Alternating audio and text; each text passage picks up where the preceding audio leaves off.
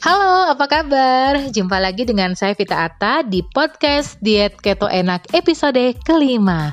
Saya yakin episode ini sangat ditunggu-tunggu karena banyak yang pengen tahu kenapa ya saya kok melakukan berbagai macam cara tapi nggak turun-turun berat badannya. Nah, pernah nggak sih kalian alami yang seperti saya alami nimbang badan hari ini turun dua hari ke depan naik lagi besok turun naik lagi Kira-kira apa yang salah ya? Terus mulai deh coba melakukan berbagai cara untuk menurunkan berat badan. Minum obat diet, konsumsi jamu, eh bahkan ada yang konsumsi obat paten penurun gula darah dan habiskan jutaan rupiah untuk beli produk pelangsing atau mengikuti klub-klub olahraga pagi, siang, malam olahraga terus nggak turun-turun juga. Dan faktanya semua ini sudah pernah saya lakukan. Aduh. Dan seiring waktu energi mulai terkuras, biaya juga terkuras dong ya. Hasilnya nggak memuaskan. Badan nggak turun malah naik. Ditambah lagi keluhan kesehatan semakin banyak. Mah tambah parah. Asam lambung naik sedikit langsung sehingga ke apotik beli obat untuk menurunkan asam lambung Mudah lelah, pegal linu, nafsu makan makin liar, muka semakin kusam, berjerawat. Mulai datang deh penyakit-penyakit yang lain, gula darah naik lah, tekanan darah tinggi, kenalan sama diabetes, jantung, PCOS, dan segala macam penyakit lainnya. Kira-kira apa yang salah coba? Nah di episode ini saya ingin share ngajak kita flashback tapi ini bukan ingat mantan pacar, nggak penting banget ya. Tapi kita ingat lagi apa saja yang kita lakukan untuk badan kita sendiri. Let's talk about it. Pernah nggak sih kamu dengar moto kamu adalah yang kamu makan?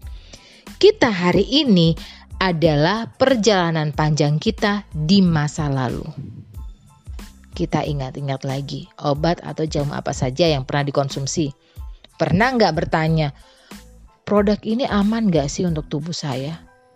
Pernah nggak tanya sama tubuh kita sendiri atau dialog lah sama tubuh kita sendiri? Ini aman gak sih kamu kalau seandainya saya konsumsi ini?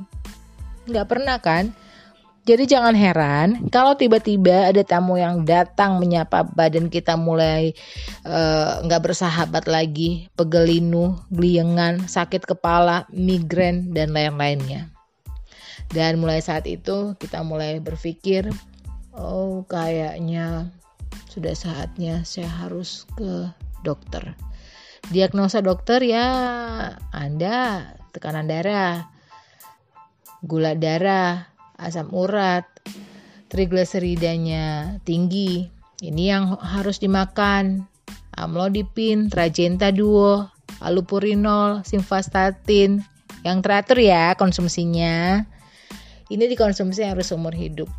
Hmm, ternyata keluhannya kembali lagi dosis obat semakin bertambah. Ya ampun, apa salah dan dosaku? Kenapa penyakit ini nggak berlalu juga dari kehidupanku? Oke, saya coba kasih tahu solusinya. Apa kira-kira solusinya ya? Supaya saya bisa hidup lebih sehat lagi, saya tidak bergantung uh, dengan obat-obat lagi gitu kan. Jadi solusinya itu sebenarnya nggak susah sih. Ini gampang banget untuk uh, kita pahami bersama-sama. Cie.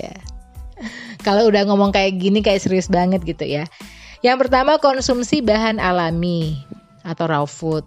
Jadi sebisa mungkin kita menghindari makanan olahan uh, yang saat ini banyak diproduksi. Anak usia bayi atau infan sebaiknya memakai ASI sebagai asupan utama dan disertai dengan ibunya yang mengkonsumsi makanan bergizi juga gitu ya. Nah, untuk anak-anak usia sekolah, sebisa mungkin menghindari makanan junk food, makanan olahan seperti sosis, chicken nugget, dengan penambahan pati atau tepung-tepungan dan gula, minuman kekinian yang manis dan bertepung, dan sebagainya. Glukosa oriented adalah salah satu cikal bakal penyakit metabolik, autoimun, dan beberapa penyakit tidak menular lainnya. Jadi berusahalah meminimalisir asupan tersebut.